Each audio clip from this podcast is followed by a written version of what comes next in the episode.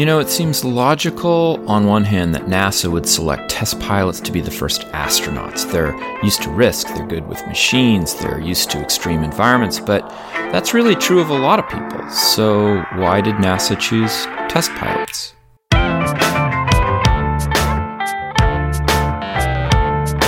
It's time to eat the dogs. I'm Michael Robinson. Today, Matthew Hersch talks about the profession of spaceflight, the subject of his book, Inventing the American Astronaut. Hersch is an assistant professor of history at Harvard University. This year, he's at Columbia University as a visiting ACLS fellow. Matthew Hersch, thank you for talking with me today. It's my pleasure to be here. You know, I think there's when I, when uh, when when you look at the story of the American astronaut, at least as it's told in popular culture, there seems to be this kind of logical or or inevitable quality to the story. You've got these um, you've got these guys who started out as test pilots, um, very familiar with technology, moving higher and higher into the uh, atmosphere at higher and higher altitudes. Why uh, why wouldn't you look to that group of of people to um, pilot the first uh, space missions into space? Um, but the way you write about it, it wasn't really inevitable at all. It didn't have to be that way. So I was wondering if you could talk about that. Sure.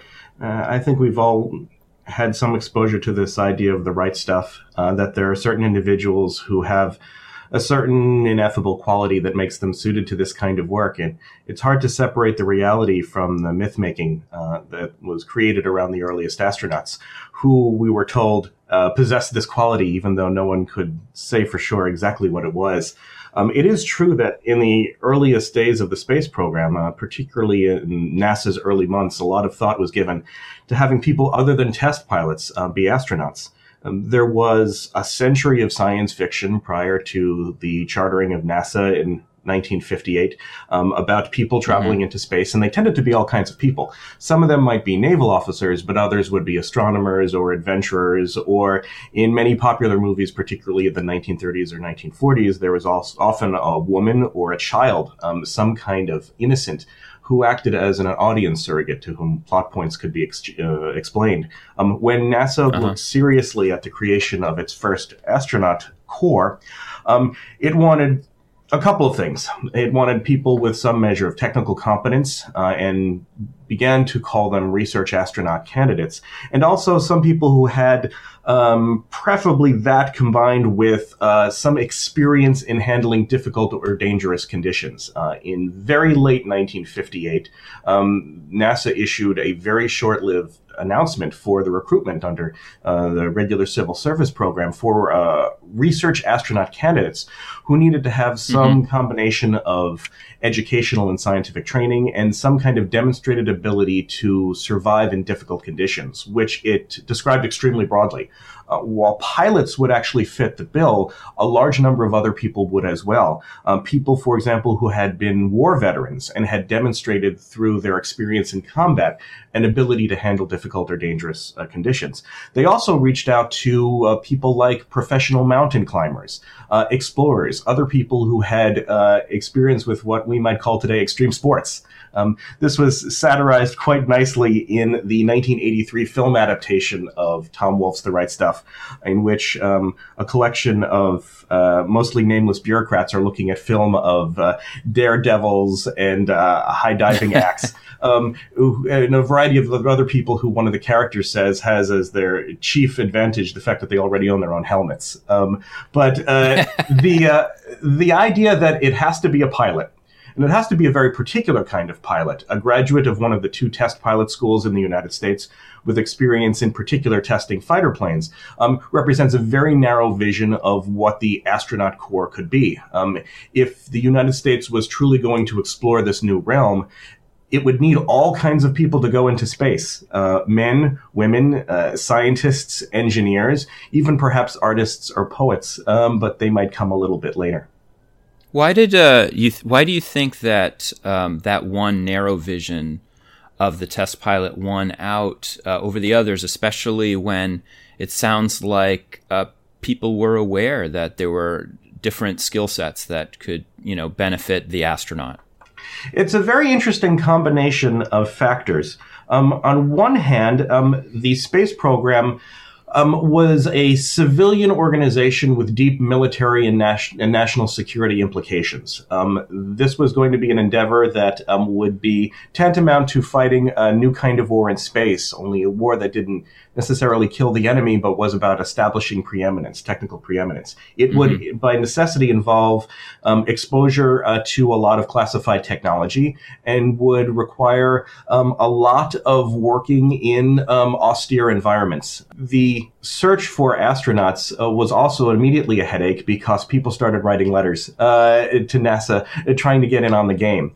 And eventually, um, after uh, only about a month um, between around November and December of 1958, um, NASA kind of began to realize that it made something of a mistake. That the civil service hiring um, rules, that um, the openness of the selection would create um, uh, a lot of difficulties in creating a force of, to some extent, um, pliable astronauts who would do the government's build, building um, with not without complaining. And immediately, attention within NASA uh, turned to a different pool of people who uh, NASA wouldn't have to pay because they're already being paid by their respective military services. Um, people who were used to taking uh. orders people who would live in the most horrible barracks, in the most out of the way uh, and decrepit uh, airfields, um, people who had were already had security clearances, uh, and people who didn't expect necessarily to survive the endeavor. Um, spaceflight was going to be dangerous, and test yeah. piloting work killed about a quarter of the people who undertook it.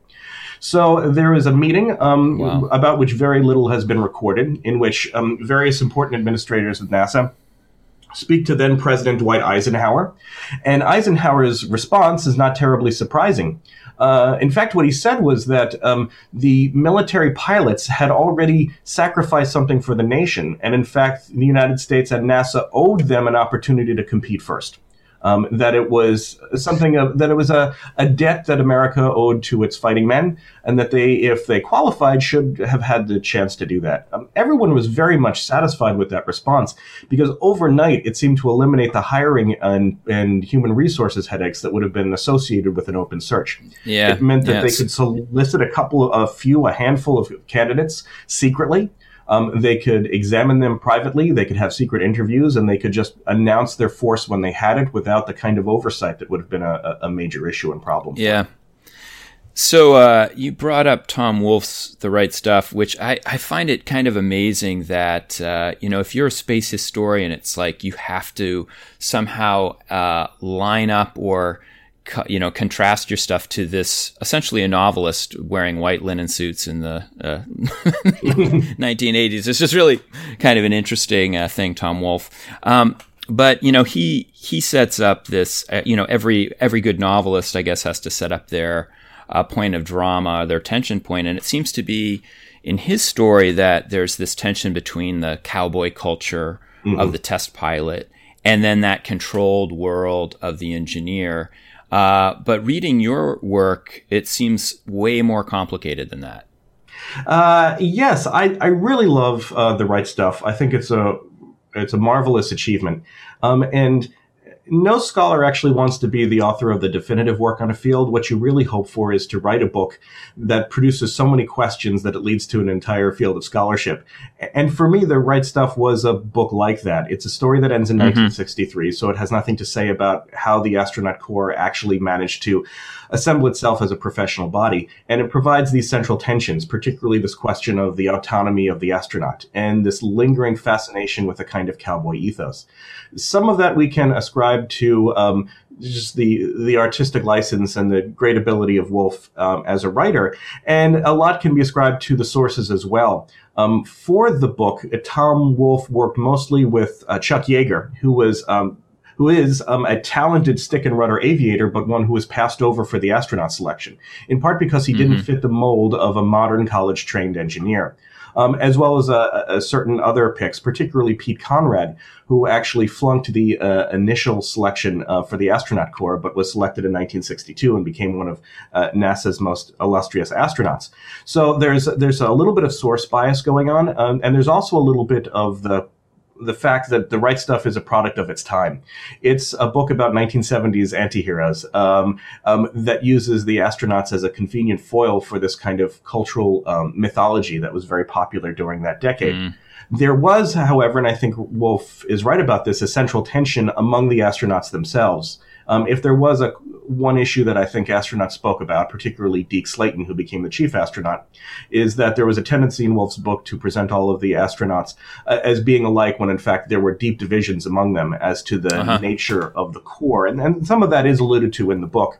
Um, there were certainly astronauts, particularly people like a Wally Schirra and Deke Slayton um, and Gus Grissom uh, that very much saw their job as an engineering job. Um, that there was no real need for piloting in Project Mercury. Mercury in particular, the spacecraft had been designed to be flown tolerably well by a monkey, so they really didn't need excellent pilots. Um, but they did have an opportunity to assert their uh, power as a new kind of professional managerial engineering class in the space program. While there were other astronauts who tried to cling to older notions of flying as being essential to the astronaut's art, people like um, uh, Gordo uh-huh. Cooper, and uh, and I think that that tension um, eventually becomes resolved in a very particular way as the astronauts recognize that their value in the space program will come from their ability to stay in charge of as much of the operational aspects of space missions and the training for them as possible. Uh, and that if they build themselves merely as talented aviators, they're going to go nowhere. So, in fact, uh, one of the things I got out of your book, which I really enjoyed, was that there is a, a, I mean, in, in Wolfe's work, there is this question of like this battle, in a sense, between astronauts and engineers, and it seems to, over over control. And yes. uh, there there are there are battles in your uh, story, but they're not. They don't play out the same way. It seems as if the I mean, one of the things I liked about your book, to maybe reframe the question, was you're actually looking at um, astronauts as a professional class and you're holding them up against other professional classes in the 20th century, like engineers, um, with their own battles um, against management yes. uh, and for uh, uh, greater, greater, you know, greater rights in the workplace. Um, so, could you talk about some of the tension points uh, in the astronaut class, let's say between management and the the astronaut, and then among astronauts who tended to be more science focused and those who tended to be more engineering focused? Sure. I mean, you don't become an you don't get to the point where you can become an astronaut unless you have some pretty good skills um, not just technical skills, but also people skills um, and management skills because you are a military officer. Tom Stafford, a very important member of the class of 62,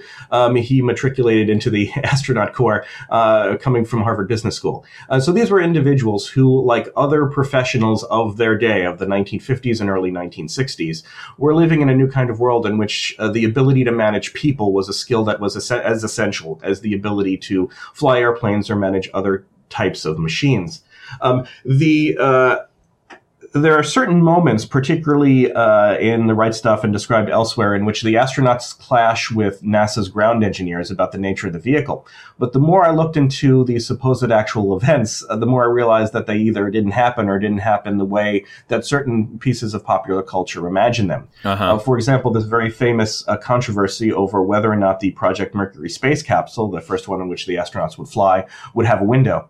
Um, it was initially designed just to test whether any basically any animal could survive a trip through space. And there was even talk of sedating the occupant during the flight. So there was no reason for them to look out the window. Um, the astronauts, though, were pilots and they wanted a window uh, and they wanted some degree of manual control of the space vehicle.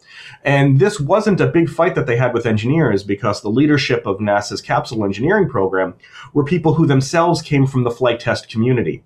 Um, they were uh-huh. inclined to trust the astronauts' judgment with regard to um, managing flight test programs, and they actually gave in with with very little debate and very little discussion about that kind of point. Um, as long as the issues were about engineering, the astronauts, who were all mid-career professionals who had significant both educational training and uh, time on the job in flight test, were regarded as uh, reliable experts, and they certainly leveraged that expertise in their public statements and dealings with, uh-huh. dealings with the press uh, in order to make that happen. Um, and as a result, I think the space program was better and safer um, because the people who flew the space vehicles were actually playing a significant role in making sure that people regarded safety issues and issues like recovery and redundancy uh, and making them important parts of the vehicles that they were putting together. What you're saying about the um, the engineers, let's say, uh, being uh, solicitous of uh, the role of astronauts in, in designing and developing uh, missions,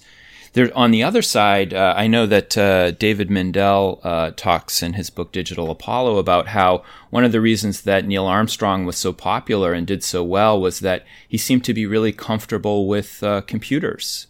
Uh, is that is that true? Yes, that's that's a, that's very true, and that was the case with a variety of other astronauts that, as well, who may not have been initially comfortable, but recognized that computing was essential to the job that they were doing. Um, uh, there were a variety of astronauts in the Apollo era for this was true, uh, for which this was true, and especially in the space shuttle program, in which um, astronauts recognized that computer expertise might be the surest path to finding an or early slot um, in uh, in an operational mission. The um, the uh, engineers and scientists associated with the space program on the ground were sometimes uh, derisively uh, described as people who didn't understand what spaceflight was all about. Sometimes their ideas were described as, quote, Larry Lightbulb experiments or things like that. Um, and there was a real difference between uh, people who were trying to engineer the vehicle with whom uh, the astronauts had something in common, and people who were engaged in uh, in pure scientific research, who the astronauts require, regarded as basically uncomfortable nuisances, um, both on the ground and in the skies.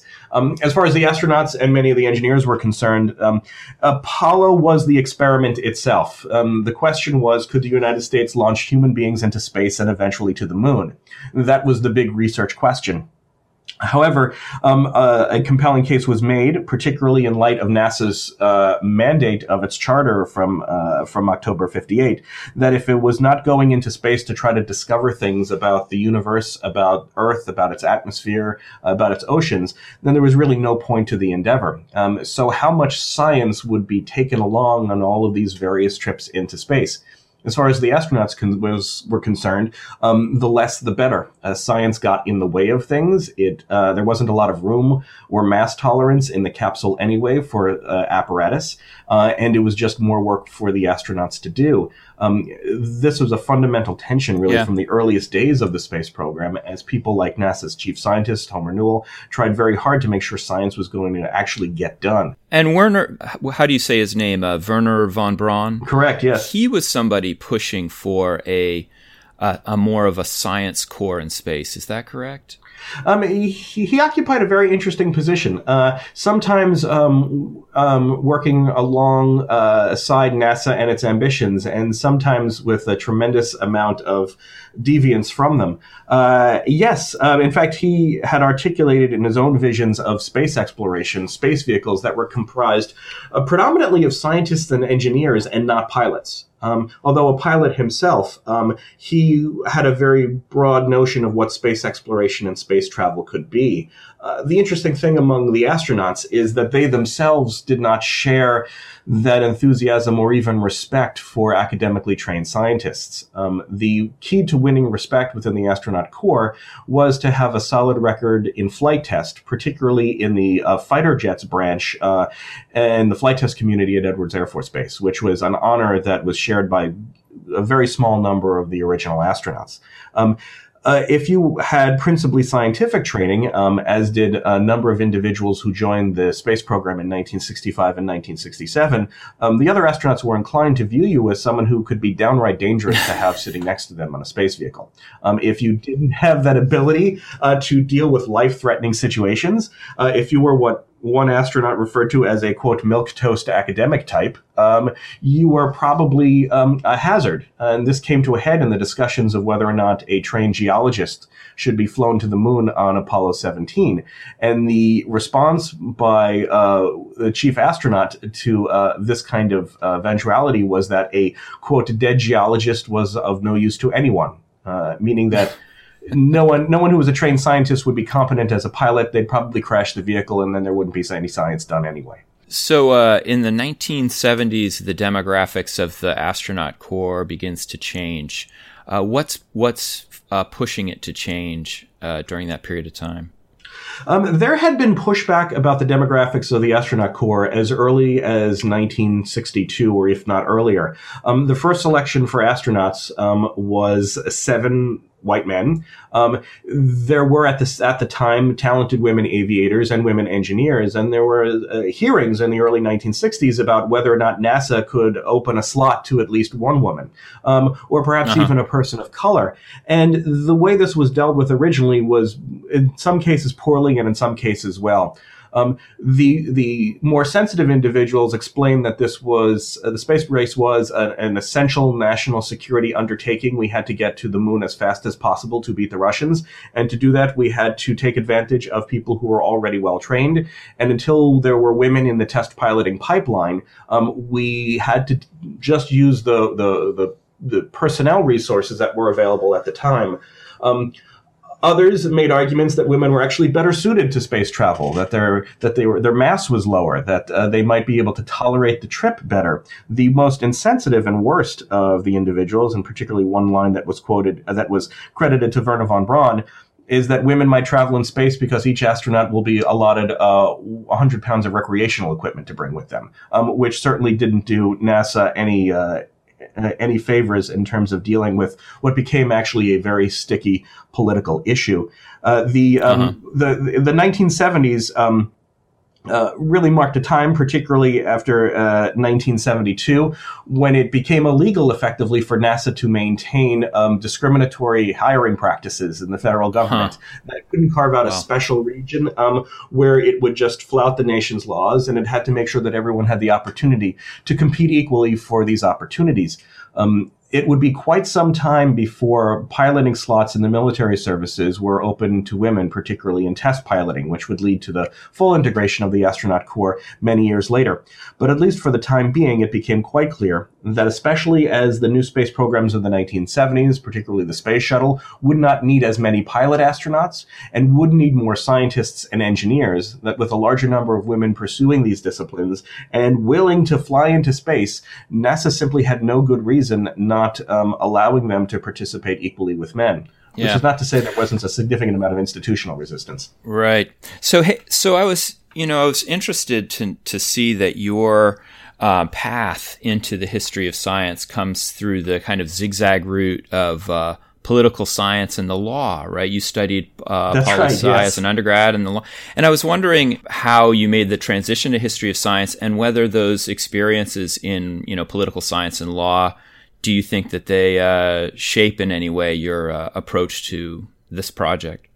Oh, absolutely. Um, I began my studies in political science just as the Cold War was ending, um, and uh, was very much interested in the technologies, um, particularly of the later Cold War period, this 1970s through 1980s period, in which technologies like the space shuttle, I think, fit right in. Mm-hmm. Um, and uh, the experience in practicing law, I think, was also a profoundly useful one for me. Um, although I do occasionally do projects in the history of law, I found my experience practicing useful for another reason, and that is I often consider myself um, not just a historian of technology, but actually an historian of labor who works mm-hmm. in the science and technology milieu. And uh, I often say to people that five years practicing law will turn anyone into a Marxist. Uh, that's not entirely true, but um, it, having uh, had that kind of work, um, particularly in corporate litigation, um, it made me look at issues of labor um, uh-huh. in a uh-huh. way I probably wouldn't have had I remained interest focused on technology and its development, and that um, that bes- that behind uh, sort of the uh, the all of these very interesting um, big science and techno scientific projects of the late 20th century are um, lots of people, um, yeah. well schooled, well trained, working and trying to make that work meaningful for themselves, and finding it extremely difficult to do so sometimes. Um, that that was very interesting to me, and um, it made me think. Uh, that perhaps the people who do these jobs, who had very much the kinds of education that I did, I did my undergraduate work at MIT. I was very interested in, in science and engineering and took a lot of coursework in these areas Um, that these are human beings who want something out of their lives and are hoping that the space program will give them that. And I found that, particularly when I started looking at the earliest astronauts, that this was acutely true of them. They weren't quite sure what they were signing up for. Um, they weren't quite sure if the program would work, but they found themselves at a crossroads in their career where they realized that there were lots of people who were every bit as good as they were, and that if they wanted to really be special, they might have to take a risk on something that seemed not to be a sure thing. And uh, it also was interesting to me how much of them either didn't have or suppressed um, any real enthusiasm about space exploration. In fact, huh. that was often considered a strike against them in the examinations that they undertook with psychologists.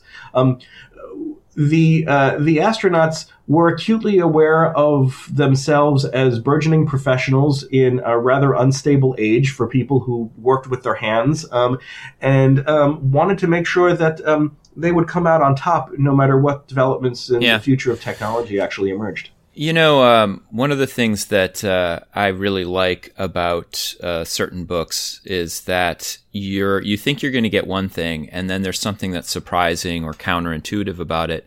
And I felt reading your book, um, Inventing the American Astronaut, that what was counterintuitive about it was that you know we've all heard of astronauts. They're they're the celebrated, uh, seemingly all powerful heroes of the 19 late 1950s and early 1960s and reading your book, you see them as well, yeah, they, they do have this uh, incredible position, but it's a precarious position.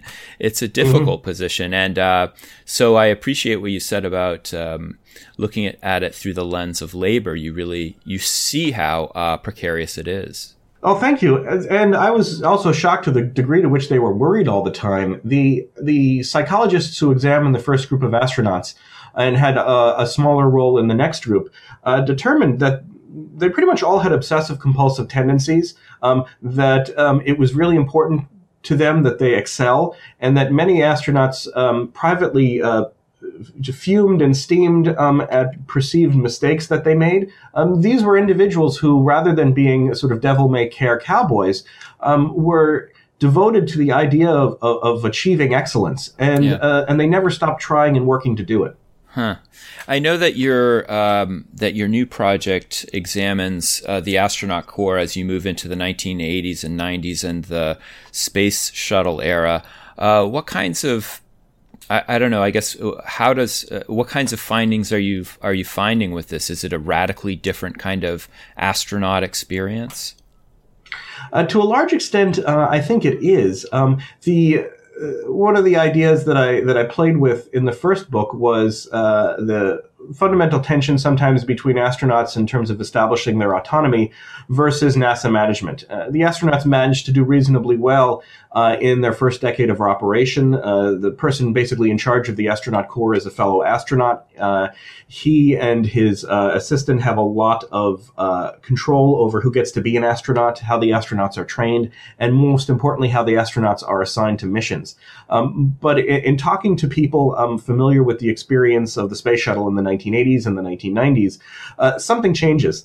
Um, I, one's tempted to say that the astronaut program becomes more corporate um, with all of those negative connotations. At least some of that is true, in that it becomes uh, a large institution in which certain powerful individuals, uh, who are most likely uh, uh, not astronauts, um, managed to obliterate some of the specialness associated with being an astronaut. Um, astronauts, in part due to public fatigue with the space program, and in part due to the nature of the shuttle itself and the program, they become far more fungible entities with much less control over their professional pathways. Um, the uh, they find themselves um, even mission commanders not really having as much say in what they do on their missions and and how things will proceed. Um, astronauts find themselves mostly externally controlled by other NASA managers. Um, mm-hmm. It seems quite clear that certain astronauts have been tagged. Um, to have good long careers, and others will largely be ignored. Maybe they'll fly once in 10 years. Um, uh, and that uh, although one can't quite describe it as being the man in the gray flannel spacesuit, um, there is something about suppressing your desire and your needs and learning how to be a team player to function in a space program that, to a large extent, people have forgotten about, but still remains a very important and expensive infrastructure in the huh. United States. So, uh, where we are now in 2018, uh, it seems like we're right on the cusp of potentially a commercial astronaut corps. Um, and I was wondering, do you have any? I don't know. Are you willing to speculate on how that might change uh, going into space? I'm often asked uh, questions about this new age of commercial or private spaceflight, and, and sometimes I defer, saying as an historian, I try not to make predictive statements about the future. But that's a, that's a bit of a cop out, and I think it, it is the purpose of history to enable us to understand how we got to the place where we are today, and and try to shed some light on the way the world is now. Um, whenever I hear about private or commercial spaceflight, um, I'm always a little wary, uh, in part because many of the entities undertaking so-called private spaceflight. Um, companies like SpaceX um, are actually just new startup, uh, effectively aerospace contractors in the same way that Lockheed or Boeing or Martin were uh, 60 years ago. Um, they're just offering products that are cheaper um, than the ones offered by the big guys. Uh, new technologies, new production processes, the fact that they're doing lots of things in house enables them to offer launch vehicles and space vehicles to the U.S. government um, at a lower price. However, the, the main customer for space exploration in the United States is still the United States government. Let's not kid ourselves that there's a right. very large private market for people traveling into space. And the gold standard for being successful as a space company is whether um, you're able to gain contracts to fly national security payloads. Uh, for the National Reconnaissance Office or, or uh, the U.S. Air Force, uh, where where the budgets are enormous. Um, and uh, so, on one hand, it's nice to see new players entering the field, but that doesn't necessarily uh, mean that we've arrived at the day of private or commercial space exploration. It was always intended when NASA was founded um, that it would engage in exploration research, and that once um, spaceflight became routine, private companies would fill in uh, to provide routine access to space, as indeed um, private um, airlines did um, after aviation technology was uh, developed and became mature. Um, it's taken a very long time for uh-huh. this to happen because there isn't a tremendous reason for people to travel into space, and the market for uh, commercial space vehicles has been somewhat stable over time. Um, I, uh, I, I'm, I'm always excited um, by any new developments in space exploration, but we have a tendency to overplay or oversimplify what exactly private spaceflight is going to mean. Um, and we have a tendency to forget how incredibly dangerous the undertaking is. Um, the um, failure rate associated with the space shuttle was about one in a hundred flights, which is actually terrific for a space vehicle. Um, one of the things I explore in the book um, is uh, sort of comments by Richard Feynman and others, particularly surrounding the loss of uh, Challenger in 1986. Um, that the real problem isn't that the space shuttle was particularly dangerous; it's just that people thought it was a lot safer than it actually was. I think yeah, there is now right. a, a, popular conception that spaceflight has become safe and there will be a private space market based on people try, flying into orbit. But with a failure rate of one out of a hundred, you're not going to see a tremendous amount of enthusiasm for that. You will when the failure rate is one out of a hundred thousand, which is what the space shuttle was promised to be, and that's just absurd. Um, there are very few technologies that work that reliably, particularly ones that are gigantic bombs um, that have to travel hundreds of miles at tens of thousands of miles per hour. Yeah, on that happy note, uh, Matthew Hersch, thank you for talking with me. It's been my pleasure. That's it for today. Next week, biologist Stefan Bullard talks about his new book on Ebola and the West African outbreak of 2014. Make sure to check out Time to Eat the Dog's website for pictures, links, and other exploration related stuff. If you like the show, please rate and review it. It helps get the word out to new listeners. And if you want to get in touch, always feel free to email me at time to eat the dogs, that's one word, lowercase, at gmail.com. Thanks a lot. See you next week.